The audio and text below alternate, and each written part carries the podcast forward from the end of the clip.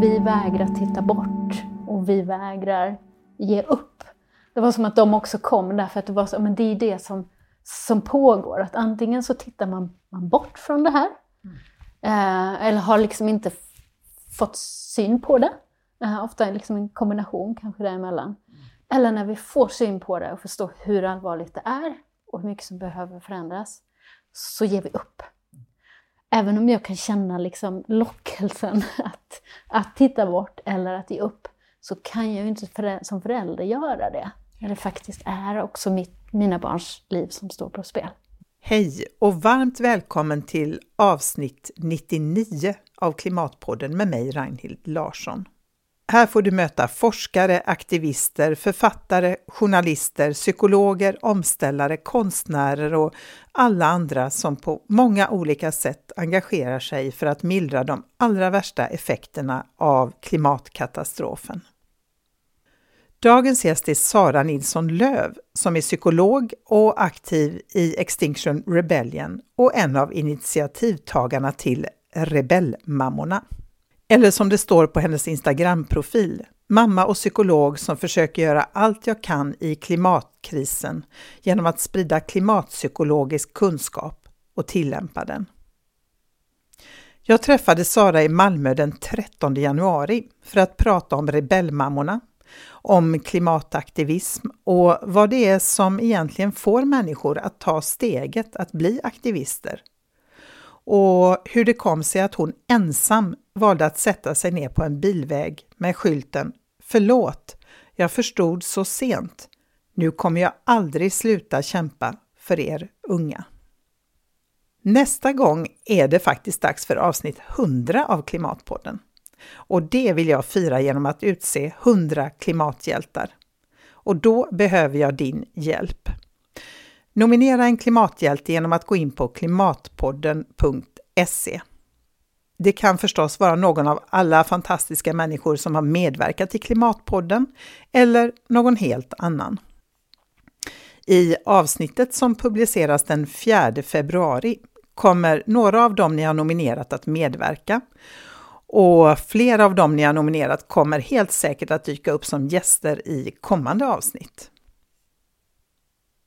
Om du vill stötta arbetet med att göra Klimatpodden, som ju är helt reklamfri, så är du välkommen att swisha en valfri summa till Klimatpoddens eget swishkonto 123 396 2974.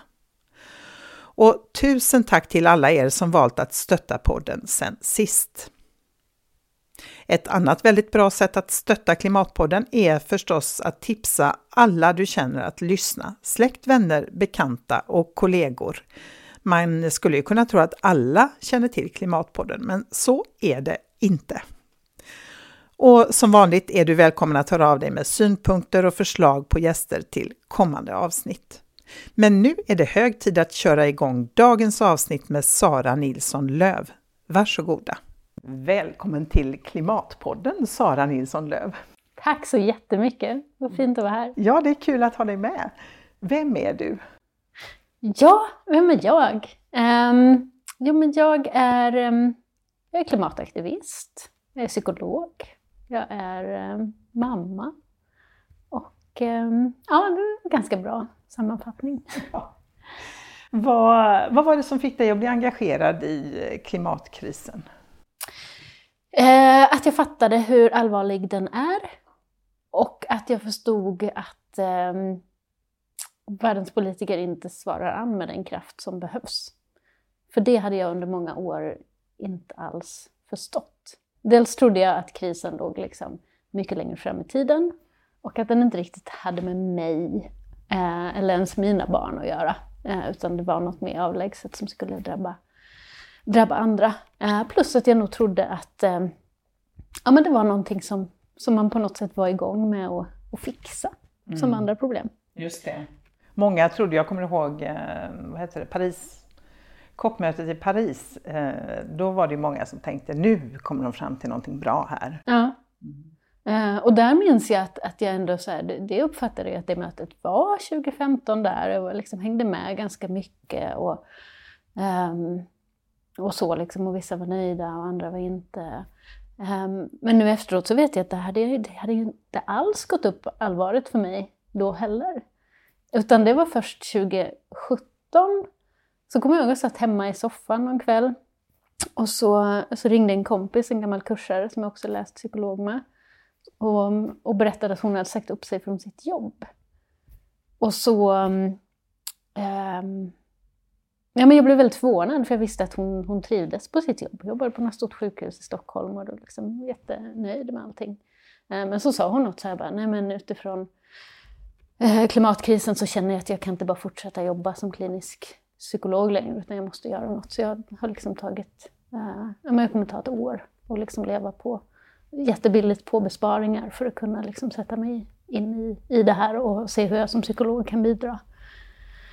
Och det där fick mig liksom att, då var jag tvungen att säga, men what? Jag hade aldrig varit med om någon som gjort någon sån liten drastisk handling tidigare. Så Nej. först tänkte jag att hon var lite galen och sen så fick jag ändå, ja men hon fick, hon berättade egentligen inte så mycket utan det var mest att hon hon sa det där och lite bara sammanfattade det här, men det är här som kommer att avgöra hur vår framtid blir. Och de förändringar som behöver ske är inte på väg att, att ske. Mm. Uh, och det var liksom det som behövdes på något sätt för att bryta igenom hos mig, att börja säga okej, okay, det kanske har med mig att göra. Och vad gjorde du då? Med den liksom insikten? Ja, men med den, först var jag fortfarande så här, alltså hon kan ju också ha fått saker lite om bakfoten. Um, så jag fick ju liksom fakta checka lite där till en början. Uh, och gjorde det genom att säga, men googla en IPCC-rapport och läsa.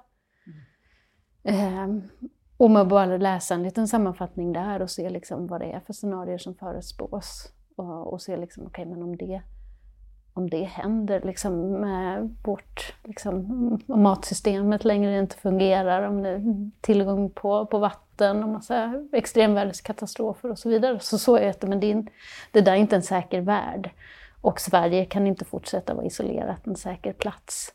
Eh, även om de mest extrema händelserna sker, sker på andra platser så drabbas ju vi också. Uh, och sen var det ändå som för att våga börja liksom agera med kraft, så var det som att jag hade ett par månader där jag fick så dubbelkolla det här men ja, lyssna på verkligen? olika, stämmer det verkligen? Och ja. lyssna på, okej okay, vad säger Rockström? Och han är också med på det här. Och, och vad säger, eh, kolla olika forskare och så, säger okej okay, men det, det är faktiskt så, så här illa och så här allvarligt. Mm. Men jag tycker fortfarande att det kan vara så ibland att man drabbas av det här, men är det verkligen på riktigt? Eftersom så stor del av omgivningen ändå bara fortsätter som om ingenting hade hänt. Ja. Och då blir det ju så här overkligt. Ja. Man tänker, är det här verkligen på riktigt? Och så måste man liksom gång på gång känns det som. Ja men checka av lite, det kan jag också känna. Så här, för att man hamnar i det, så här, men är det jag som har missuppfattat? Är det jag som är galen och helt absurd i vad jag gör?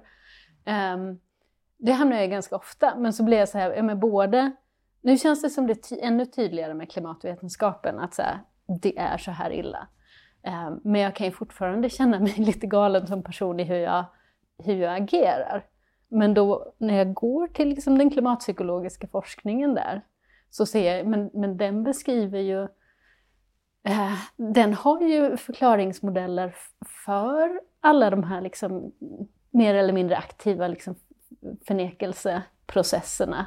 Eller hur vi kan liksom hamna där, att vi på ett sätt vet och sen agerar vi som att vi inte vet. Mm. Um, så, och, och, det som behöver hända är att folk behöver liksom börja, börja agera på riktigt. Mm. Um, så, så även om man ibland nästan hoppas att det ska finnas någon förklaring till att det är jag som är galen så är det ju tyvärr inte det. Um, utan uh, det är ju massa olika faktorer som leder till att vi har vi har svårt som människor liksom att eh, ta in den här krisen och finna sätt att liksom agera på konstruktiva sätt. Mm. Men vad tror du krävs? Det är ändå några stycken då, jag menar vi ingår båda i den här aktivistbubblan ja. eh, där människor har fattat då. Eh, vad är det som krävs för att fler ska fatta tror du? Och ta till sig Mm. Jag menar om man inte aktivt vet om det och ändå motarbetar, det är ju en sak. Mm. Men jag menar stora flertalet tänker jag ändå har någon sorts uppfattning om att jo, det är någon klimatkris, men eh, mm. inte har tagit till sig så mycket i alla fall så att de är beredda att göra stora uppoffringar. Mm. Um, ja men där, där försöker jag tänka, jag tänker att det är så bra att påminna mig själv ibland om att ja, men innan 2017 då, då var jag också en sån. Eh, så att det inte blir så för mycket vi, vi och dem. Nej, eller de är dumma i huvudet. Eller? Nej, precis. Där man liksom, eh, ibland i frustration kan hamna. Utan då liksom hitta det där, okej, okay, men de är precis som jag för några år sedan. Um, och jag tror att det behövs en massa olika saker. Um, kanske har jag blivit extra präglad för att för mig var det så okej, okay, men någon i min närhet gör någonting ganska drastiskt som på något sätt tvingar mig att, okay, jag måste ta ställning. Hur, jag, jag fick liksom inte ihop i min världsbild att någon bara säger upp sig från, från jobbet eh, för att fokusera på, på klimatet. Mm. Och det tvingade mig att så aktivt ta ställning. Um, och sen har jag ju läst lite där kring hur det kan vara just att vi, ja, men vi kan ha en kunskap och på något sätt veta den, men sen så krävs det något annat för att den riktigt ska bli begripliggjord för oss. Mm. Eh, så det där är någonting som jag är jättefascinerad av som, som psykolog. Och så bara, men hur kan, vi, hur kan vi hjälpa människor att gå från att veta till att liksom begripa och eh, utifrån det liksom också få en, en känslomässig drivkraft verkligen att, eh, att agera. Jag, tror det behöver, jag tror det behöver ske på en massa, olika, en massa olika sätt. Men jag tror det är det jag tänker som är den stora utmaningen nu. Att vi behöver få fler människor att, att verkligen liksom ta till sig det här på riktigt och börja, börja agera. Och då är ju knäckfrågan, hur gör man då? Och då tänker jag att vi osökt kommer in på rebellmammorna. Ja, precis! Det ska vi göra. Ja, men rebellmammorna är ju ett nybildat nätverk inom Extinction Rebellion som består av just mammor som, har, ja, men som verkligen har bestämt sig för att nu, nu är det dags att tydligt agera och tydligt visa var vi står och kräva förändring. Eh, och kanske bli en sån där grej som får någon annan att eh, ta till sig, liksom, eh, ta till sig krisen. Mm. Eh, eller bara, för jag tror också det finns en grupp som har verkligen fullt ut tagit till sig allvaret, men som är rätt handlingsförlamad, för man vet inte hur man liksom ska agera. Eh, och man är så van att bara agera som individ och då känner man hjälp, sig hjälplös och så, så blir det inte så mycket, så mycket av det. Men eh, Rebellmammorna då, vi samlas framför allt i olika manifestationer. Vår, vår största har väl egentligen varit, eller ja, vi hade en i samband med, med riksdagens öppnande. Då vi satt och alla liksom, politiker på vägen in liksom, i riksdagshuset fick gå förbi oss där vi eh, satt med, med skyltar och budskap och, och sjöng den här sången Mother's gonna rise like the water. We're gonna face this crisis now. Eh, liksom på repeat, om och om igen.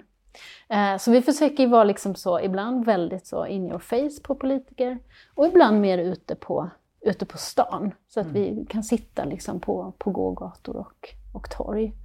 Eh, och med ganska liksom känslosamma manifestationer försöker vi få, få till. Eh, så jag brukar säga ibland att vi, andra delar av XR kan jobba liksom med, med störning för att på något sätt inte gå att gå och ignorera och liksom tränga igenom i mediebruset och så. Eh, så brukar jag säga ibland att ja, men vi jobbar mer med känslomässig störning. Mm. Eh, vi stör liksom ingen på ett sätt, det är svårt att bli arg på oss, för vi är liksom inte vägen på det sättet.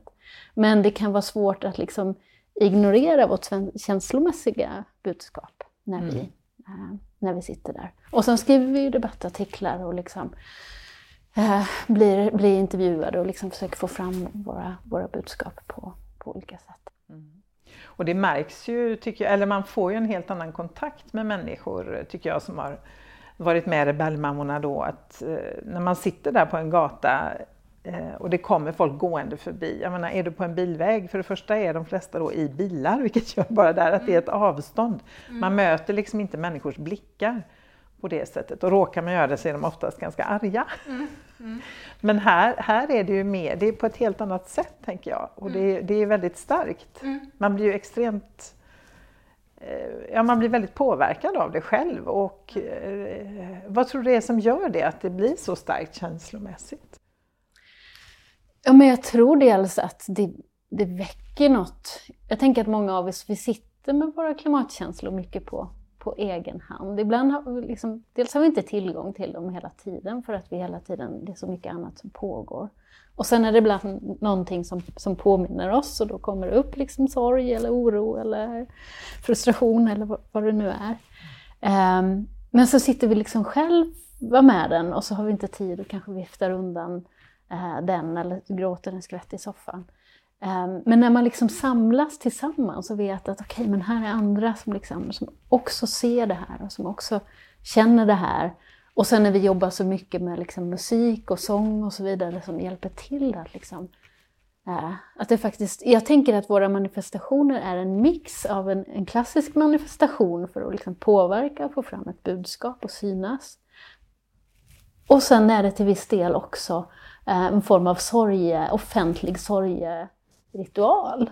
Mm. Äh, som vi gör Ja, vi använder den för att påverka och för att synas, men vi gör den också för vår egen skull. Att ja, men det här är ett tillfälle liksom att få, få lov att tillsammans med andra känna och sörja. Um, och det är ju någonting som, som behövs och som man har sett inom klimatpsykologin, så hur, hur förlösande det kan vara när man faktiskt får, får, ja, sörja det som går förlorat nu mm. och det som kommer och går förlorat även om vi liksom kan, kan styra om och börja ta krisen på allvar så är det väldigt mycket som kommer gå förlorat. Um, och att få, att om vi kan få liksom sörja och vara i de känslorna så kan det också frigöras väldigt mycket kraft sen. Ja just det, så man inte stannar inte i det där nej, sorgen. Nej, liksom. nej, nej men precis. För annars kan ju sorgen också bli något som gör att man håller krisen borta. Man vill inte riktigt titta på de nyheterna eller läsa om det. För att det gör liksom för, för ont. Mm. Uh, men att faktiskt se att vi behöver inte vara så rädda för det. Vi kan vara i det och få gå igenom, uh, delvis gå igenom det och delvis ha det, ha det med oss. Och sen så kan det komma någonting annat, en väldigt stark liksom, kraft därefter. Mm. Och att man gör det tillsammans tänker jag också då, för det är väl det också som ger styrkan, att man inte sitter där ensam då i sin soffa och Nej. är ledsen. Nej, precis. För då är det stor risk att man, man fastnar där och så blir det bara passivt och så mår man, mår man dåligt. Mm. Och så brukar det ju också vara så att eh, det är fritt fram för den som vill att prata, att säga, hålla ett kort tal eller ja, säga varför man är där helt enkelt. Ja, och det ja. brukar också vara helt fantastiska ta, små tal ja. eh, som är också väldigt, väldigt starka och berörande. Ja, eh, så det tror jag väcker liksom ännu mer känslor när man, när man sitter där. Och jag tycker det har varit, ja, men det var väldigt häftigt att ta del av de här talen. För det är som att det blir röster som man nästan aldrig hör. Jag tänker på, på något tal som vi sen klippte ihop och gjorde som en liten film som vi skickade till alla riksdagsledamöter. Eh, där det är en kvinna som liksom delar med sig av sin förtvivlan över hur hennes, jag tror hon nämner en 15-årig son eller något sånt där, som är så totalt liksom uppgiven för framtiden och fruktansvärt arg på liksom, ja, oss äldre generationer som inte har agerat tillräckligt mycket. Uh, hur han liksom målar upp någon, någon kurva över utsläppen och liksom visar att de, de sjunker ju Eh, de sjunker ju inte, eller liksom inte tillräckligt snabbt. Och hur, hur ska det här funka? Och, och hennes liksom, känslan i, i hennes tal där. Och när man liksom ser, ser den smärtan som hon upplever i att hon inte kan förmedla hopp till sin son. Um, det, ja, men jag tycker det blir en helt ny liksom, röst som inte finns. För det är så ofta i, i klimatfrågan diskuteras så är det som befriat från känslor. Exakt. Det är väldigt mycket fakta. Det är väldigt mycket fakta och det är så här, men herregud, hela vår liksom, civilisation står, står på spel. Allt vi, vi håller kärt och allt vi tar för givet nu är, eh, är hotat här på sikt. Om vi inte, om vi inte ställer om. Liksom. Vi kan inte leva på en, på en planet som är liksom 3-4 grader varmare. Och det är liksom inte uteslutet att vi hamnar där. Eh, och det är inte särskilt kul att leva på en, på en liksom, två grader varmare planet heller. Um, men de känslorna kommer liksom så sällan fram. Men det tycker jag är häftigt med Rebellmamma-manifestationen, att se att de, de får göra det. Men de gör det på ett sätt som inte eh, liksom, upplever jag inte så här passivisera folk och få folk att ge upp. Utan snarare leder till att säga, okej okay, men det här är ju på riktigt, jag måste också göra någonting. Mm. Eh, och att vi har växt då från liksom, men när vi hade vårt första egentligen liksom, möte där vi var så här att nu ska vi göra något, något större tillsammans. I somras, och då var vi kanske, jag vet inte, 15, 15 mammor som samlades. Och det var här i Malmö då? Det var här i Malmö, ja. Eh, och nu är vi liksom över 2800 eh, i en grupp på Facebook och det liksom uppstår jag tror nu är det nog 14 grupper eller något sånt och det uppstår liksom nya städer och, och eh, personer som aktivt hör av sig så här, jag vill starta en lokalgrupp där, lokalgrupp där jag bor, hur, hur gör jag? Eller någon kastar ut så här, ah, jag bor ja, på det här lilla stället och så är det någon annan, men jag bor i närheten och jag också. Och så, ja, men vi ses på ett café och vi drar igång någonting. Mm. Um, så att, eh, och det är häftigt och, så, och då kan det, det här skiftet gå ganska snabbt från någon som har upplevts uh, ja, men på ett sätt liksom inte... Eller jag tänker många här har ju liksom ja, men, agerat på vissa sätt men, men, men att det kan vara nytt att liksom offentligt uttrycka sin sin åsikt på något sätt. Mm. Um, och sen så helt plötsligt så är man jätteinne i det. Uh, så att, och det är också något hoppfullt uh, i det. Att när man väl liksom får rätt push och hittar ett sammanhang som, som man tror på, så är folk kan ju plötsligt vara beredda att lägga jättemånga timmar i, i veckan på det. Eller så är man bara med på en manifestation då och då. Det är olika utifrån hur livssituationen ser ut. Sådär. Mm. Um, Mm. Ja, det är, det är väldigt eh, fint att se. Man blir väldigt eh, stärkt och glad av det tycker jag. Och att det kommer människor. När vi hade vår första manifestation i Göteborg så dök det upp flera av mina ja, men avlägsna Facebook-bekanta som jag liksom hade aktivt bjudit in då, ja. som dök upp som nej, jag tror inte de hade dykt upp på en vanlig XR-manifestation. Liksom. Men vad är det som gör, tror du, som gör att så många ändå lockas av detta och kan tänka sig att göra den här typen av manifestationer? Man sätter sig ner på en gata. Men jag tror det är olika saker. Um, och jag tror att det här mamma, att vi gör det utifrån mammarollen. Jag tror att den är jätte, jätteviktig. Um, för jag tror att det skapas någon slags vi och dem med klimataktivister och jag är inte en sån. sån och de är, nej, de är några andra, andra typer. Um, och till och med även om man känner något och någon och vet att det är inte någon annan typ, det är en, en helt vanlig person, så kan många ändå ha, men jag är inte en sån som. Men när det blir så här, fast ja men jag är ju en mamma och jag är ju orolig och jag vill ju göra allt för mina barn. Och, eh, så Ja, men där tror jag det blir lättare med identifikationen och önskan, önskan att vara med. Jag ska se om jag kan komma ihåg den tråden och fånga upp den sen också, för det finns en, en del till där. Um, men sen så tror jag också, vi ser ju att för många är det ett jättestort steg att uttrycka en åsikt offentligt. Och, mm. att, och att sitta ner på en gågata där man liksom inte stör någon och det är jätte, liksom, så milt vad vi gör. Och om man då tänker att ja, men, sätta sig på en, på en väg, eh, kanske bryta mot lagen, eh, riskera påföljder, göra andra människor arga eh, och inte blir förstådd. För det är någonting som, som händer när man gör den typen av, av aktivism.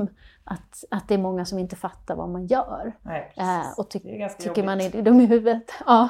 Eh, så det kräver ju ganska mycket att gå in mm. i den Eh, i den rollen. Sen, en del går ju liksom rakt in den vägen. Men, um, men det är ju det är krävande på ett, på ett annat sätt. Det är ganska mycket obehag man, man utsätter sig för. Um, så det är ju lättare här, för vi är ju mer ja, men vi är så lätta att tycka om. Det är ju som att alla som, nästan alla som går förbi är ju liksom uppskattande på, uh, på något sätt. Och man får liksom, ja, men de flesta får, får positiv liksom, respons på den, på det man gör. Jo, men så hade jag en tråd till. Och för att plocka upp den, så en sak som vi, eh, hur vi liksom upptäckte det här med, med mammarollen, det var, för allra först så, den som först egentligen tog initiativet till det som blev eh, Rebellmammorna, eh, var en, en, en vän till mig som heter Tatjana. Och hon och jag hade liksom varit aktiva i, i XR ett tag. Och eh, ja, men gjort, gjort grejer till, eh, tillsammans där. Och sen upplevde vi just så att ja, men vi gjorde saker som, det fick genomslag. Vi var med liksom på, på någon större manifestation eller aktioner i, eh, i Oslo och det blev liksom, ja men det påverkade valet där och det var liksom nyheter över hela eh, världen och faktiskt en ganska positiv liksom, rapportering då i helheten och satte igång ett, ett, ett nytt samtal liksom, i Oslo, eh, eller i, i Norge kring liksom, eh, hur man ska förhålla sig till, till oljan. Så vi kände ju så okay, men det går ju verkligen att göra saker och göra, göra skillnad. Mm. Eh, och så var det så svårt att liksom få med mer, eh, mer folk. Så, så då så la hon ut, eller spred till lite bekanta så här att, ja, men vill ni komma och träffa mig och Sara och ta en öl och bara se vilka vi är, se om vi är galna eller inte. Och då slumpade det sig så, eller det kanske inte var en slump, men då blev det så att det var bara andra småbarnsmammor som dök upp.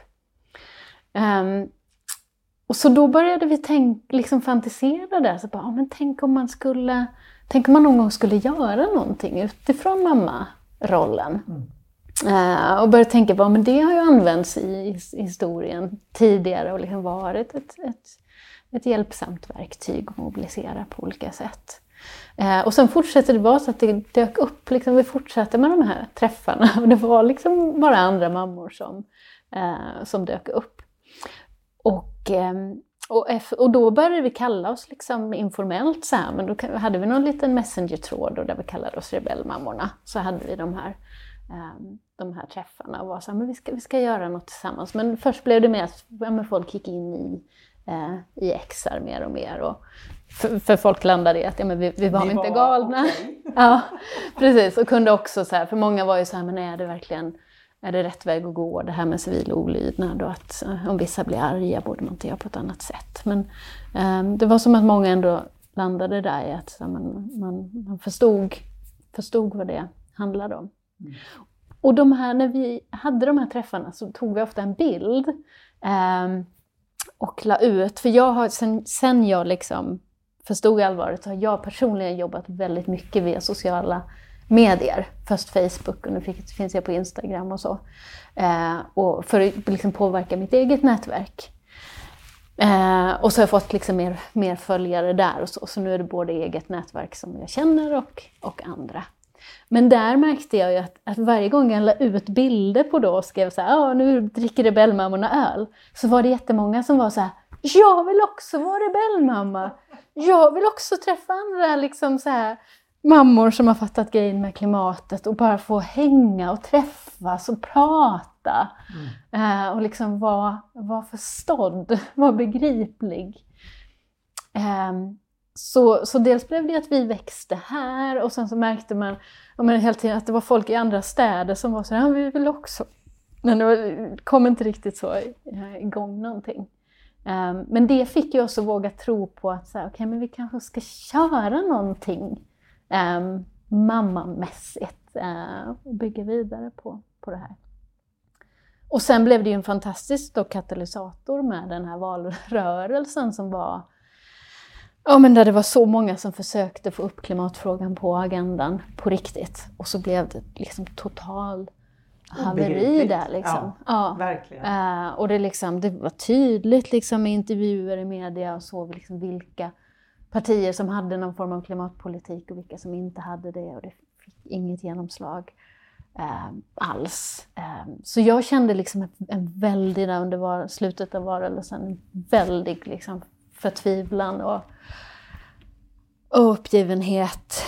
Um, och, så, och samtidigt som man lever i det här, ja, det känns inte riktigt som att det är på riktigt för allting är på, ungefär som vanligt runt omkring och det är alltid tryggt och säkert och solen skiner och det är, är härligt. Mm. Uh, men så läste jag någon, uh, någon bok som ändå gav den där påminnelsen eller liksom känslan att så här, ja men shit, det här, det är ju på riktigt. Det är de kommande åren som så otroligt mycket avgörs för liksom hela vår framtid. Och det är så mycket som står på spel. Som vi inte riktigt liksom klarar av att, att här, ta, ta in. Det känns som att man, man klarar av liksom, ja, för korta stunder att vara där och sen, sen så liksom hamnar man ur det igen. Mm. Men i en sån stund, låg liksom läste någon natt, så var det som att eh, för just när jag blir som mest förtvivlad eller liksom arg och frustrerad så blir jag också som mest kreativ. Um, så jag fick liksom lägga ifrån mig boken och så började jag så skissa, skissa ner. Ja, ja, ja, mitt i natten är det här gjort. Jag bara, och kände så här, men jag vill bara ta en massa mammor och så från början var det så vi ska bara lägga oss på en gågata och folk ska få kliva över oss när vi ligger där och visar vår förtvivlan. Det ska inte bara gå att liksom låtsas som, som ingenting. Eh, och så kom jag, tänkte ut, ja men det som är mycket våra liksom några av våra liksom, stora paroller som vi har. Liksom, men vi vägrar titta bort och vi vägrar ge upp. Det var som att de också kom därför att det var så, men det är det som, som pågår. Att antingen så tittar man, man bort från det här mm. eh, eller har liksom inte fått syn på det. Eh, ofta liksom en kombination kanske däremellan. Eller när vi får syn på det och förstår hur allvarligt det är och hur mycket som behöver förändras, så ger vi upp. Och att då hitta den här att förmedla, så, okay, men, och, och där funkar det också väldigt bra som, som förälder egentligen. Eh, att bara, okej, okay, men det där, även om jag kan känna liksom lockelsen att, att titta bort eller att ge upp, så kan jag ju inte förä som förälder göra det. När det faktiskt är också mitt, mina barns liv som står på spel. Mm. Eh, så, så då kom det där till och sen så blev det ju att det blev fler personer eh, inbjudna och sen så utarbetade vi en liten annan att det kanske inte skulle vara så pass störande och liksom, att folk fick kliva över oss för då, då, blir man ju mer liksom irriterad. Ja, men eller så kommer det inte, inte alls, för nej. då blir man, då blir man mer irriterad och här vill vi, vi vill inte irritera. Vi vill liksom tränga in under huden på ett annat, ja, på ett annat sätt. Men ändå sitta, tänker jag, för det är ju rätt viktigt vilken plats man sitter på. För när ja. vi satt till exempel på Kungsgatan, Drottninggatan i Stockholm, ja, precis, då var det ju ändå, det gick ju att gå förbi, men man fick ändå, men det var ju omöjligt att inte se oss om man kom där. Det var inte så att vi satt i ett litet hörn undanskymda, utan vi var ju i blickfånget. Liksom. Och det tänker jag är ändå väldigt viktigt. Det är jätteviktigt. Ja. Liksom. Eh, och att det inte är helt lätt. Ja, men det blir lite så, okej, okay, men nu får jag gå åt sidan, men jag får gå lite långsammare. Och då är det lite ja, svårt och det blir en väldigt aktiv handling. Och, men ska jag titta bort? När de sitter här med en banderoll där det står vi vägrar titta bort. Klimatnödläge. Det blir som att det blir, det blir väldigt, väldigt tydligt där. Liksom. Det var ju väldigt eh, intressant i Stockholm tycker jag under riksdagens öppnande ja, där ja, när vi ja. satt i andra omgången när politikerna kom ner från Slottstrappan mm, och hur mm. vissa verkligen så här vi sjöng ju rätt högt och vi var väldigt många. Ja, ja. Och eh, vi stod visserligen bakom avspärrningarna så, men mm. eh, och då var det ju verkligen tydligt hur vissa bara bestämde sig för att jag ska inte titta ditåt, jag ska inte titta ditåt. Ja. Medan andra då kom fram ju några stycken politiker också. Precis. Eh. Och det var väldigt tydligt, man såg att så här, okej, okay, så vissa politiker och ganska tydligt utifrån partier faktiskt. Men vissa blev ju, man såg att de fick energi, de blev glada, de vinkade, de hejade. Eh, och andra verkade känna något, något behov att säga okej, okay, här sitter liksom 150 mammor och uttrycker sin, sin oro mm. över klimatkrisen, att politiker inte svarar an på den med, med kraft och ber politiker att göra det. Och så känner man något slags behov att liksom vända bort ansiktet och inte ens titta på oss. Um, ja, det, det är spännande. Verkligen. Mm. Eh, en det här reaktion du säger, de flesta har ju varit positiva, men jag vet att det var en diskussion där i början om, men vad då eh, får inte papporna vara med och ska det inte vara föräldrar? Mm. Eh, rebellföräldrar istället. Ja. Varför, varför dela upp det så här? Varför är det bra tror du? Ja. Eller funkar det som en... Liksom... Men det är en, jätte, en jättebra, jättebra fråga. Eh, och först, eftersom det uppkom som det uppkom, så, så var ju inte det en uttänkt tanke. Men det var ju så att när, när Tatjana då bjöd in så det var inga papper som, som dök upp. Eh, så, det, så det började utifrån mammarollen. Och sen märkte vi att ja, men det verkade funka. Och sen när man känner det där, liksom, man tänker bara så här, rebellmammorna, vad det väcker för känslor, eh, kontra liksom rebellföräldrarna. Det är redan som att det blir, det blir en annan sak. Ja, verkligen. Eh, och också tänka, även om vanligtvis brukar jag tänka på mig själv mer som, som förälder än som, som mamma kanske. Men eh, och, och, att mycket av det som driver mig handlar om att vara förälder och jag kan säga att det finns, kan finnas exakt samma drivkraft liksom hos, hos en pappa. Men att ibland så blir det liksom att det kommer ännu närmre när, när man, för, för många är det så, eh, att det känns ännu närmre när man gör något som mamma än när man gör någonting som, som förälder. Eh, sen vet jag, sen har vi ju en del med som kanske inte alls identifierar sig så mycket som mamma utan bara som, som förälder. Och vi försöker vara väldigt tydliga liksom med att där får man ju, det är ju ett, ett sammanhang som man går in i liksom, där egentligen den personliga identiteten inte är så eh, så viktig, utan vi vill göra det i den här formen mm. eh, tillsammans. Så vi har ju liksom en del transpersoner med, mm. eh, kanske så, som inte identifierar sig så mycket som mamma på det sättet, men som känner att jo, men jag kan stå bakom och liksom göra det här liksom under, under mammaflagg. Och sen har ju rebellpapporna bildats, så de finns ju nu. Mm. Och där tycker jag det blir men ibland nästan ännu tydligare på något sätt. Att när man ser då de har haft så här, det sitter 40 män i en ring på marken med skyltar där de liksom säger att de gör det för, för sina barn och det står liksom ja, men deras namn och ålder. Um, det blir väldigt starkt på något mm. sätt. Och där det är så tydligt att de är män som gör det, för de bryter byter. De byter verkligen någon sorts norm, tänker jag. Hur ofta ser man män sitta där och gråta eller vara liksom verkligen så känslomässigt berörda? Och det är inte heller det att det är en massa kvinnor då som har dragit dit dem, utan de sitter där. Bara papporna. Jag tycker det är väldigt, väldigt starkt. Och de höll fantastiska tal i Göteborg på den manifestationen. Det dök, och då dök det också upp jättemånga nya. Och sådana där som har varit eh, ja, men supporters men ändå aldrig riktigt velat. Och de har fortsatt komma sen och dela ut flyers på våra, på mamma manifestationerna och så. Ja. Så ja, det är ju, men, men tror du att... För jag menar, det är också hela tiden en diskussion det här eh, eh, Alltså hur mycket ska man störa? Hur mycket... Alltså folk blir, när, man, när vi gör våra vanliga aktioner, blockerar vägar i synnerhet, även om det inte är motorvägar, eh, så blir ju folk ofta arga. Eh, och så finns det liksom, tänker jag, en diskussion det här, hur mycket ska man göra aktioner som folk gillar? Mm. Eh, för det kan ju kännas väldigt skönt för en själv. Det är ja, ganska ja, jobbigt det är härligt när folk, ja, Det är ganska jobbigt när folk blir asförbannade. Mm. Eh, även om man tycker att de har fel. Mm. Eh, men jag tänker också att en viss grad av störning är kanske ändå nödvändig. Eh, för annars kan det också bara bli så här, ah, ja det var ju gulligt och fint men nu går jag hem och äter mm. middag, ja. fortsätter med mitt liv. Nu ja. planerar jag resan till helgresan till New York. Mm. Mm. ja. um, så jag tror verkligen där på, på kombinationen av, av olika typer av, av manifestationer och, och aktioner, att de, de har de har olika syften och de når olika, olika personer. Men vi skulle, om vi bara skulle fortsätta på det här sättet, då skulle vi vara liksom, vi skulle kunna få lite mer det ett tag, vi skulle kunna växa ett tag. Och sen så skulle det bli någon rundgång i det och det skulle börja gå ut. Så man behöver ju liksom alltid förnya, förnya sig på olika sätt.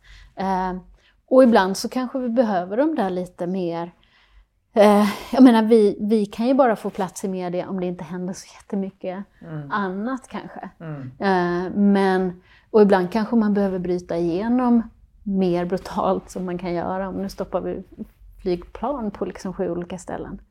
Och se att det är helt andra olika liksom syften också med de här eh, olika eh, manifestationerna mm. Eh, eller aktionerna.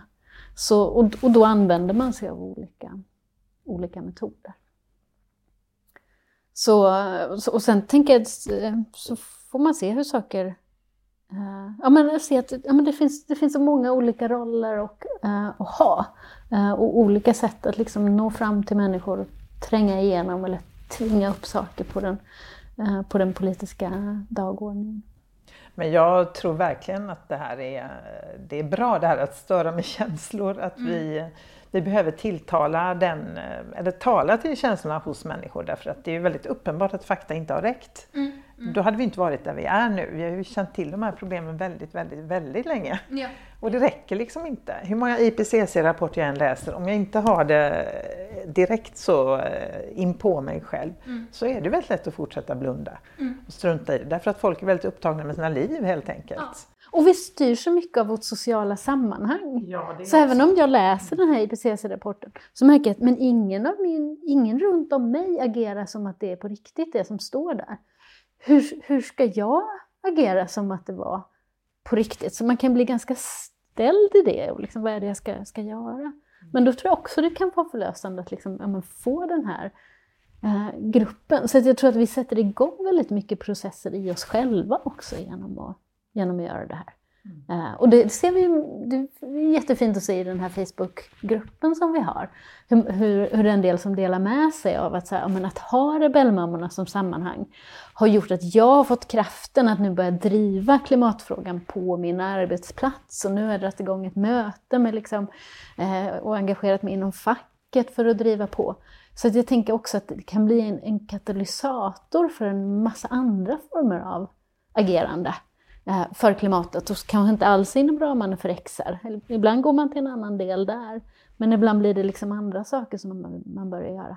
Mm. Och en del som har berättat, tänker framförallt på en, en, en mamma här i, i Malmö som har berättat att ja, men hon har gått runt liksom flera år med ganska kraftig eh, klimatångest, men hon har inte talat med någon om vad hon, vad hon känner. Eh, hon har liksom suttit tyst i konversationer med med andra och de har sett hur andra bara lever på sina liv som, som vanligt och liksom inte velat liksom, förstöra stämningen på något sätt. Eh, och hon har sagt att ja, men nu med rebellmammorna så är det som att de där spärrarna bara har, har släppt. Och nu så, ja, men dels känner hon på ett helt annat sätt, att hon känner liksom en, en kraft istället för den här bara med liksom depressiva förtvivlan där, där hemma. Eh, och sen ett, ett helt annat mod pratar hon också om att ja, men hon vågar nu. Liksom. Så varje vecka skriver hon något i sina sociala medier. Hon, hon pratar med vänner och bekanta och på jobbet och liksom lyfter. Och jag tänker det är det där vi också behöver få igång i hela samhället. Liksom, där man faktiskt eh, börjar tala om det här som att det är på riktigt och sen se men vad, vad kan vi göra och hur kan vi eh, eh påverka. Så, så det är jättespännande att bara följa liksom hur, vad som händer med alla de här mammorna som, som kommer in och får det här sammanhanget.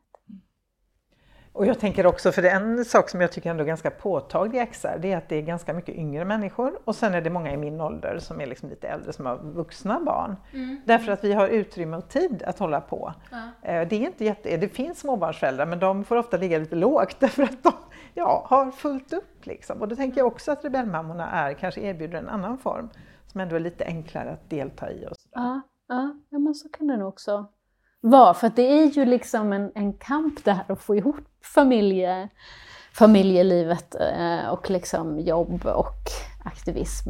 Eh, och här kan det ändå vara liksom, ja, men vi kan ha Zoom-möten, Zoom på kvällarna efter barnen har, har somnat. Mm. Eh, och sen har man manifestationen en lördag. Liksom det, går att, det går att få in, mm. eh, få in i livet på något sätt. Så. Men annars känns det ju som att det är väldigt svårt att ägna sig åt aktivism överhuvudtaget om man jobbar väldigt mycket. Jag har själv börjat jobba mer nu efter mm. att ha jobbat väldigt lite, lönearbetat lite. Mm. Eh, och då, då, då blir det väldigt påtagligt, så här har de flesta människor det. Mm. Men hur gör du för att lösa det pusslet, vardagspusslet? ja, men just nu vet jag inte om det känns som att jag löser det, men, nej, men det var ju också en sån sak som jag förstod ganska tidigt när jag liksom tog, tog till mig allvaret och vad, vad som behöver göras. Att um, det här, det, det måste få ta tid. Så, och, så, och då hade jag liksom, ja men, de ekonomiska möjligheterna att kunna gå ner i tid. Eh, så innan jag, för först när jag förstod allvaret där så var det ändå att jag var, jag var nog säkert ett år ändå i den här fasen, så här, men vad kan jag göra då? Hur kan jag påverka? Eh, men sen bestämde jag mig faktiskt innan för att jag fullt ut fattade det. så var jag så här, men nu går jag ner i tid så att tiden finns. Mm. Och till en början får jag kanske bara läsa på och läsa, läsa in mig. Uh, så i början var det som att jag hade mer tid än idéer på vad jag kunde göra. Och nu är det lite mer tvärtom, att jag skulle liksom lugnt kunna fylla upp en vecka med klimatarbete, eh, liksom en heltidstjänst. Eh, men, men så mycket kan jag inte gå ner, eh, gå ner i tid. Så det är ju en balans och det blir ju eh, ja, det blir förändringar som man får göra där. Men man behöver ju heller inte eh, man behöver ju heller inte engagera sig så mycket som, som, som jag gör. Eh, och lägga ner liksom så, om man vill vara med i Rebellmammorna exempelvis så, så kan man ju bara liksom dyka upp på manifestationer, manifestationer då och då. Ja. Eh, och då kanske det bara är så att ja, men, ja, men det, det blir ju också att det, det blir en, som en ny form av socialt umgänge det är så jag umgås och det, där finns vänner som jag, som jag träffas. Så det kanske är liksom helgens sociala aktivitet som jag, eh, som jag gör. Mm. Så att på så sätt så kan man ju också få in det för att det liksom förändras vad man lägger sin, sin tid på helt enkelt. Mm. Eh, och sen läste jag någonstans att det, det, börjar väl också komma intresse från andra länder, eller hur? Det finns mm. mammor i eh, Tyskland, va? Eller är det England? Ja, men Tyskland, jag vet, det finns många engagerade i England med lite andra former. Men i Tyskland så finns det också motsvarande rebellmammor och USA och Kanada. Eh, och ett par länder till, tror jag. Så den, om det blir den är det 15 mars, tror jag, eh, eller 13, något, där det är liksom Mothers Day i många, många länder. Då kommer det vara ett, ett Global Mothers mm. Rebellion. Mm. Eh, och Eh, och det är väl inga riktigt som är organiserade helt på samma sätt som, som Rebellmammorna, utan lite mer, men ändå inom, inom XR. Så att de andra, vi får se lite vad de, vad de andra hittar på där. Men jag vet att de har blivit väldigt inspirerade, för de har ju följt det här och sett att bara, men, och liksom, men hur blir ni så många? Får ni sånt genomslag? Och ah, vad, vad håller ni på med där i, i Sverige? Um, så, så det ska bli häftigt att se om det är några kanske som, som väljer att liksom, ja, men kopiera vårt upplägg eller göra liksom en egen variant uh, av det. Mm. Uh, och det vore ju mäktigt att se liksom, att det här ja, först bara spred sig från Malmö till liksom, nu är vi ja, från Simrishamn till, till Luleå och så liksom hela vägen pepprat genom, genom landet. Uh, om det också kunde liksom spridas, spridas ut i världen. Mm. För jag tror att den här mammarösten kan vara ganska uh, fungerande på ett internationellt Verkligen. plan Överallt, också. tänker ja, jag. Ja. Eller, Rebellmammorna är ju en del av Extinction Rebellion. Eh, mm. Och hur blev du aktiv där? Ja, men det var ju det var 2019 på något sätt jag gick in där. Det var väl kopplat till dels hade jag läst på en del liksom om hur, hur skapas samhällsförändring då? Och vilken, vad är det, hur, hur kan man påverka liksom på större nivå och komma in på, okej, okay, men det handlar ofta om, om folkrörelser som, som krävs för att få till liksom, eh, systemförändringar av något, något slag. Och vi behöver liksom organisera oss till, ehm, tillsammans. Och sen så skulle XR ha någon grej i Malmö och ja, men min, min vän då som hade sagt upp sig från jobbet. Hon var lite engagerad i XR. Så jag hade liksom lite, lite in, ingångar där och kände liksom förtroende. Och, och inför det så började jag läsa på jättemycket om XR också. Både om, om civil, civil olydnad eh, men också vad XR var för något. För jag var lite, lite misstänksam sådär till en början. Och, och kommer jag ihåg väldigt rädd för att göra mer skada än nytta. Mm. Eh, men tänk, tänk om jag liksom ställer till det och gör, värre, gör det värre nu just för att man vet att man stör och vissa kommer bli, eh, bli arga och så vidare.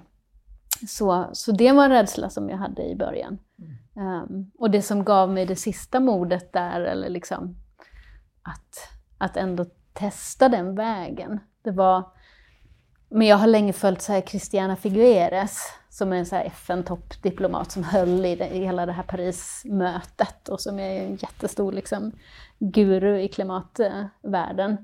Uh, och som är känt ett väldigt väldigt förtroende för. Jag lyssnar mycket på hennes podd Outreach and Optimism, där hon liksom har bjudit in i världsledare från olika, från olika håll och, och företagsledare och inom banksektorn och så vidare. Man ser att alla har en väldig liksom, respekt för, för henne och hon har en kunskap i, liksom, kring hur världen fungerar på ett sätt som, som jag liksom aldrig kommer att ha. Så, så jag, jag, jag, utgår mycket från henne för att se men verkar, vad verkar behöva göras och, och, um, och funka och så.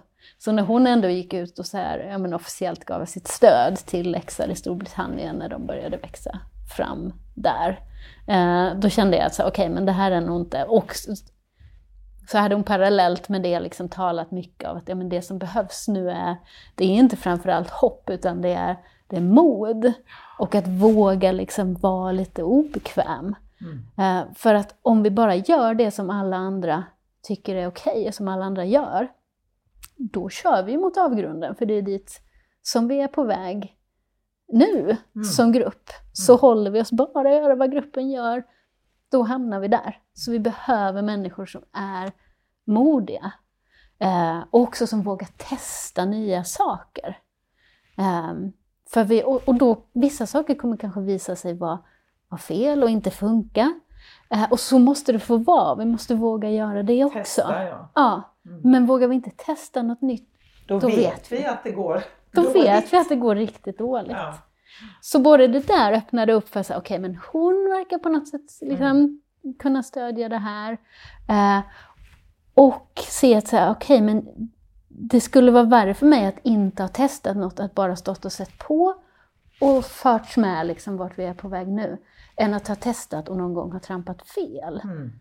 Och sen när det var så tydligt i liksom XR också i organisationen, att det är så här, vi, vi gör saker och vi utvärderar dem och sen så justerar vi våra metoder därefter. Att jag kände att så här, men som akademiker kände jag någon slags lugn där. Okej, okay, det finns någon, det här är ändå så nära så evidensbaserat det går att vara och någon, någon, någon um, utvärdering och anpassning sådär. Ja. Då kände jag att ja, men jag vågar ge mig in i det här.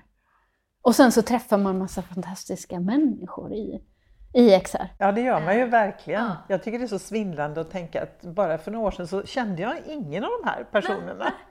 Det är som att få jättemånga nya vänner ja. överallt. Eh, och som vuxen är det ju som att det inte är så ofta man så får nya vänner längre, för man träffar inte på så mycket nytt folk och så här. Och nu bara de, de strömmar in, det är liksom jätte... Och människor i olika åldrar och som jobbar med olika saker. Och visst, det är vitt och medelklass mycket, mm, så mm, är det ju. Mm. Eh, men ändå skulle jag ändå säga att det är, om man jämför med många andra sammanhang där alla är, är nästan samma ålder och mm. har barn i samma ålder och jobbar med lite liknande saker. Ja. Alltså, så är det ändå en stor skillnad, en stor förbättring. Precis, mitt sociala umgänge har ju ändå breddats av, av det här. Och jag slås ofta hur lite jag tänker på det här med ålder. Eller kanske andra ja. kanske tänker, oj vilken gammal människa. Men ja, jag kan liksom, här sitter jag och pratar med någon som är som min dotter. Liksom. Mm. Eh, som är i 20-årsåldern och tänker mm. liksom inte på det för att Nej. vi har något gemensamt vi jobbar med. Eller, ja. Ja, det blir inte så viktigt, det kanske inte gör det i alla andra sammanhang heller i och för sig, men, mm. men jag har ändå slagits av det. Och, och så just alla talanger också som folk har som jag tycker är så fantastiskt. Mm. Ja. Någon dyker upp som, ja men vi behöver göra en, vi hade en sån här sorgemarsch i Göteborg, vi behöver en kista. Ja men det kan jag fixa, jag gör en sån.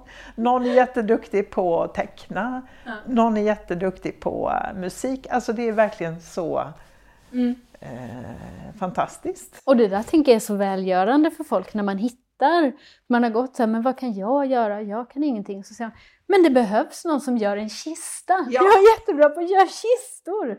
Eh, eller att man, man hittar sin roll. Men det behöver illustreras, det behöver ja. hanteras ekonomi.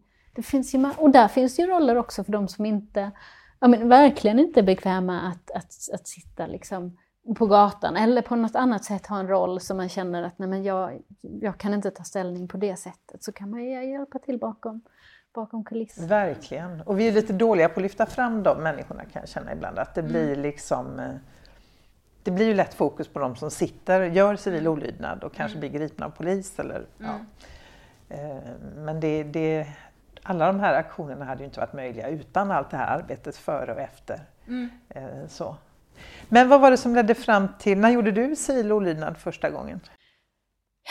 Ja, precis. Det beror på lite vad man säger gränsen går. För första gången 2019 här i Malmö när det var någon större grej, då liksom jag satte mig ner på någon gata och sådär. Men det var inget läge, för egentligen, det är ju lagligt att göra. Det är inte alla som vet om. Nej. Men yttrandefriheten inbegriper det. Och den rätten finns för att det är viktigt att föra fram, kunna föra fram åsikter på det sättet. Så det var väl egentligen inte civil olydnad, utan det måste ju ha varit på någon, någon senare Ja, det var, det var nog någon mindre vägblockad som vi gjorde i, äh, i Malmö. Äh, och också valde då att sitta kvar efter att polisen säger att Nej, men nu, äh, nu måste ni, ni flytta på er. Um, och de blockaderna gjorde vi ju i, sin tur väldigt mycket för att egentligen öva inför, inför Oslo, där mm. vi hade liksom ett större mål att, att påverka under valrörelsen eh, Eh, där och få till ett nytt samtal kring liksom, hur ska vi faktiskt förhålla oss till, till oljan i det här eh, landet. Eh, när klimatvetenskapen är så tydlig med att så här, vi kan inte påbörja nya oljeprospekteringar och så gör man ändå, ändå det. Det var ju där vi ville in och eh, störa. Eh, så lite för att det kändes ju som ett stort steg att åka till ett annat land och göra någonting och låta sig bli gripen av polis. Att liksom inte, jag, vanligtvis så lyssnar jag på vad poliser säger och de har vanligtvis inte så stor anledning att säga så mycket till mig överhuvudtaget.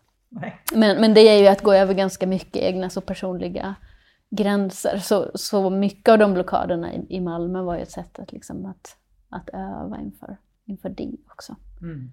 Um. Och du har också gjort Rebellion of One om jag inte minns fel, där du satt, suttit ensam ja. på en gata. För jag ja. tänker det är liksom lite skillnad mot att sitta i en ring med mammor på ett ja. ställe där man ändå får sitta eller där ja, man inte blir bortkörd. Liksom. Mm, mm. Ja, men jag har ju aldrig varit så, så rädd inför någon manifestation som det.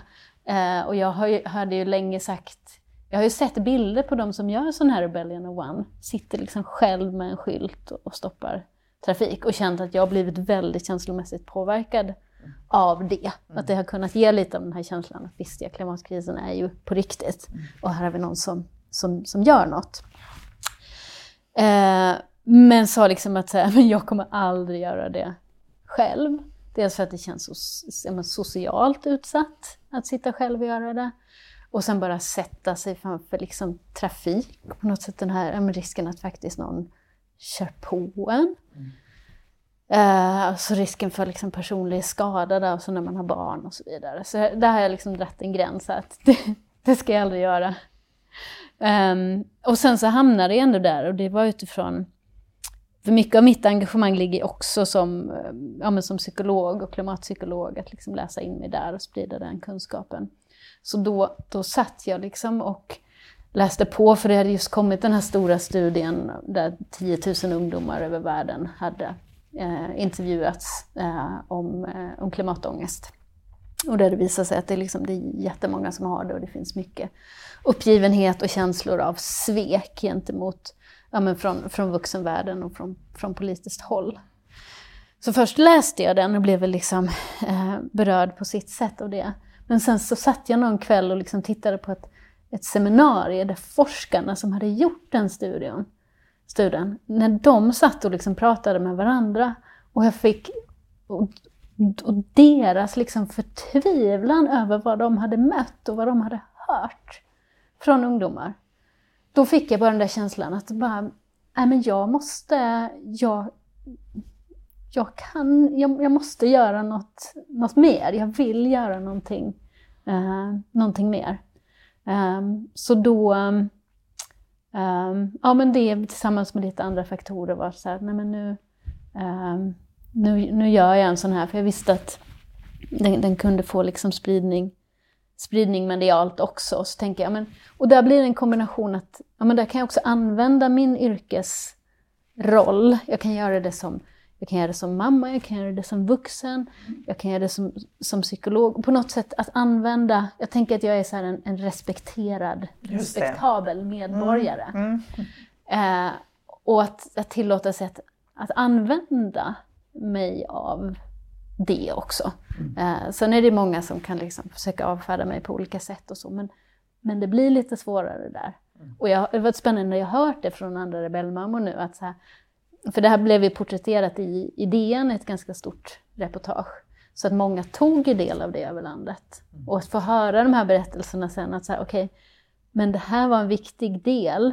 Just för din fråga i början här, men hur, hur får man folk att ta till sig allvaret på riktigt? Mm. Att det är flera som har sagt att, men, att se de där bilderna och läsa det reportaget med dig i DN har varit en jättestor del i att liksom, poletten föll ner för mig. Mm. Och att jag kände att okej, okay, men jag måste också börja Kan hon börja så kan jag. Ja, mm. precis. Och, och gör hon det på det sättet Precis. så kanske det, det är på riktigt. På samma sätt som du mm. blev inspirerad av Figueres, tänker jag, att, eh, att agera för att du respekterar henne. Ja. Så kan du inspirera andra, för de ser, men det verkar ju vara en helt vanlig människa.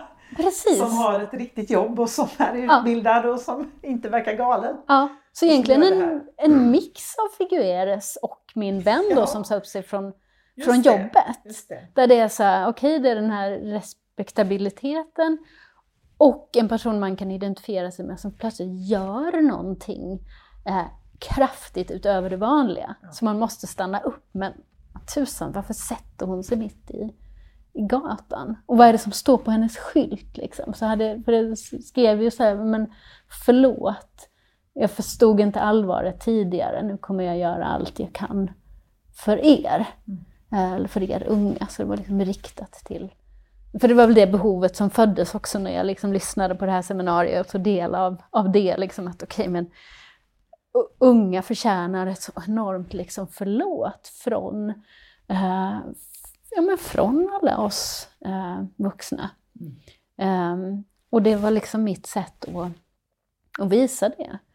Um, och som jag tänker att man faktiskt kan gå in i och man också, när man väl börjar, för många känner väldigt mycket skuldkänslor och, och kan slå undan och säga men det där är väl inte mitt fel. Och jag känner själv inte så mycket jag känner inte så mycket skuld. Jag kan känna, så här, jag känner en sorg över att jag inte fattade tidigare eller att det tog längre tid att komma igång. Mm. Uh, men jag kan också vara ganska förlåtande där och vara så, men jag fattade verkligen inte innan.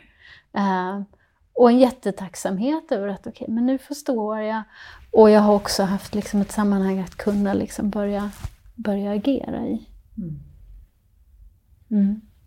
Nej, men jag tänker också att det är väl en stor anledning till att många inte agerar. Att man faktiskt inte har insett hur allvarligt läget är. Mm. Av olika skäl. Ja. Eh, ja, men dels har vi politiker som inte pratar som om det vore, de flesta gör inte det i alla fall, som mm. om det verkligen, och speciellt inte nu, mm. nej men som om det verkligen vore på riktigt. Och eh, media, nu har ju media blivit mycket bättre och där mm. tänker jag media att de då gör ett porträtt på dig där mm, mm. och verkligen låter dig komma till tals. Mm. Inte bara skriver, där sitter någon i gatan, vi vet inte varför.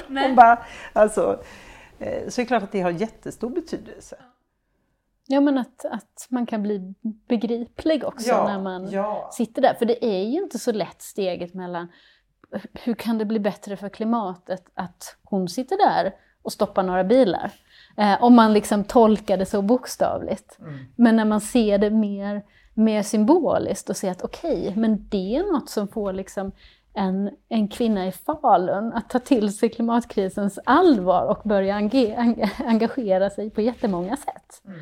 Eh, och jag tror det där, det tänker jag än mer nu när det liksom politiskt så känns det ju nästan som att förnekelsen liksom ökar eller att i, i riksdagen så är det så och vi har uttalade förnekare där eller de som försöker liksom måla upp en bild av att bara teknologin ska, ska lösa det här. Mer kärnkraft? Ja, eh, som att det skulle vara liksom den enda magiska lösningen.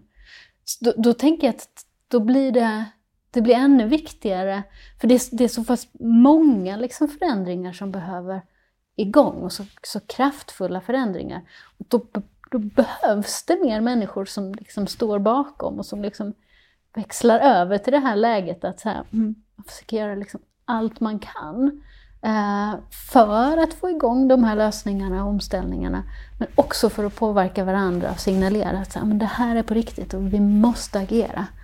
Um, så, så jag, jag, jag, jag, tänker att det verkligen är jätte... Ja, men det, det, är svårt, det kan vara svårt att förstå. Vad gör det för skillnad att, att göra den här typen av, uh, av aktioner? Um, men eh, ja, eh, det, det kan sätta igång så, så mycket förändring som får liksom ringar på vattnet och, och en massa olika effekter. Och som du sa förut, vi vet ju i alla fall att om vi gör ingenting så går det åt skogen. Det ja. vet vi. Ja. så det är liksom odiskutabelt. Ja. Och det är spännande, en del, det finns ju en, en forskargrupp i Yale i, i eh, USA som har studerat jättemycket kring liksom hur människor svarar an på, på klimatkrisen. Man har delat upp befolkningen i olika grupper utifrån liksom hur oroad eller förnekande som man, som man är. Och nu har de börjat zooma in på gruppen som de kallar liksom alarmed, som är liksom de, den mest, eh, mest liksom bekymrade eh, gruppen och se att även där så är det inte så många som är särskilt aktiva när det gäller att göra det som har mest effekt, alltså att försöka påverka liksom på en politisk eh, eller samhällsmässig eh, nivå. Och det de identifierar där som en av de viktigaste punkterna nu för att få fler människor att agera, är att få fram kunskap, eller liksom, ja, men hjälpa människor att ta till sig kunskapen att det går faktiskt att skapa förändring. Mm. Eh, men det är som att så många inte liksom vet om det, eller inte tror eller vet hur det går till. Nej, och det tänker jag speciellt i Sverige där vi liksom ändå är, jag menar, till och med jag som är lite äldre är uppvuxen med det här välfärdssamhället. Alltså mm. jag har aldrig personligen behövt kämpa för de rättigheter jag har. Nej. De har bara givits mig ja, för att andra har kämpat före mig. Ja. Så, så jag tänker att det är också en ovana vid att mm. vi kan tillsammans är vi starka. Mm. Vi är ju väldigt individualiserade, inte minst i Sverige då. Mm. Alltså vi är väldigt liksom, ska klara oss själva och fixa själva och det här med kollektiva gemensamma lösningar har liksom lite mm. fallit bort på något sätt. Mm. Jag undrar ibland om jag har haft nytta, för tidigare har jag, um, jag är liksom icke-heterosexuell eh, själv och så när jag växte upp då fanns det ju liksom eh, ja, men då fanns inte möjligheten att, att skaffa, skaffa barn. Eh, man fick inte gifta sig som samkönat par och så vidare. Och alla de rättigheterna, jag har ju följt en rörelse som har drivit, drivit igenom dem. Mm. Och sett, och sett, sett det där hända och delvis varit en, en del av det. Så, och jag tänker att, att har man liksom aldrig varit med i de kamperna och sett att så här, ja, men det är människor som engagerar sig och som går samman och agerar, så kan vi skapa, skapa förändring. Mm. Um, jag skrev någon gång en text om det och jämförde liksom att men, de, de första Pride-paraderna, de kallades inte ens Pride då, Eh, men i Malmö där vi gick och så var man så 75 personer som gick på en gata och folk tittade på en som att man var helt, helt konstig. Det var ganska obekvämt att gå där. Och nu så liksom väller det fram tusentals och andra står liksom och hurrar. Det är ju ett kulturellt skifte som har kommit för att människor har drivit fram det. Och det kan ju hända klimatmässigt också. Men då måste vi liksom tala, vi måste synas, vi måste vara obekväma, vi måste driva på. Eh, och har vi det kulturella skiftet, då kommer det på ett helt annat sätt gå att implementera alla de lösningar som finns. Och då kommer det bli ett verkligt ramaskri om vi har politiker som agerar precis tvärtom vad klimatvetenskapen säger. Som vi har nu? Ja. Som vi har nu, men där det är som att människor ja, man liksom reagerar inombords men så, så händer det inte så mycket mer. Mm. Vad ger dig kraft att hålla på med det här? Um, ja, men jag känner att jag får kraft från en massa olika håll. Jag får kraft av när jag ser liksom nya personer som engagerar sig. Jag får kraft um, när ja, men jag får feedback på det jag, jag, jag skriver, att man liksom får höra hur det sätter igång processer hos, hos andra. Um, jag får, får kraft när jag tar del av liksom framsteg som sker var som helst liksom på, på, på jorden när liksom klimatengagerade människor äh, agerar. Äh, får kraft av att liksom vara, vara tillsammans med, äh, med andra och gör, liksom att, att, göra saker ihop, att agera ger ju väldigt mycket eh, kraft. Mm. Um, så, så ingen brist på, på, kraft här. Jag får ju till och med kraft när liksom, ja, det politiskt liksom sker helt galna saker. Då blir jag ju jättekreativ Du blir där, taggad så. av det? Ja. jag blir till och med taggad av det. Så ja. att, um, mm. Men känner du aldrig hopplöshet, att nej nu är det kört? Jo, jo, Jätte, jättemycket mm. också. Men jag fastnar liksom inte i den. Utan jag mer noterar att så okej, okay, ja men nu, nu kom, men eftersom jag är så bestämd att så här, men jag kommer göra allt jag kan i alla fall. Jag, jag, jag vill liksom inte det som mänsklighet, då, är det, då kommer det gå riktigt katastrofalt. Men vi vet att varje tiondels grad gör skillnad. Uh, och det kan ge skillnad liksom i hur många liksom, miljoner människor som förlorar livet eller hur snabbt det börjar ske eller liksom hur många, hur många trygga år mina barn kan få, kan få ha. Um, så då är det som att den där uppgivenheten är inte så... Visst, jag skulle kunna gå in i den och övertala mig om att allting är för sent och bara ge upp, fast nu har jag valt att inte göra det. Mm. Så då, ja, ibland tillåter jag mig stanna där så är jag uppgiven lite, men sen, det, sen kör jag på. Jag har ju saker inplanerade också och så. så att, um, ja, jag styrs liksom inte av um, egentligen av tron på att jag tror att det är möjligt. Men, men jag tror att det skulle kunna vara möjligt. Mm. Uh, att skapa en verklig skillnad. Och det är liksom det är tillräckligt och det är jäkligt meningsfullt att försöka skapa den skillnaden. Och jag, kan, jag behöver liksom inte skämmas när jag, när jag ser mig själv i spegeln eller när jag tänker på hur mina barn kommer se, se tillbaks på, på, mitt, på mitt agerande. Så det är ganska befriande. Stort tack Sara för att jag, du var gäst i Klimatpodden och för att jag fick sitta här i din soffa och prata med dig om detta. Tack! Jättefint! Så att det blivit mörkt omkring oss nu. Vi har det. Tack. Tack ska du ha. Tack.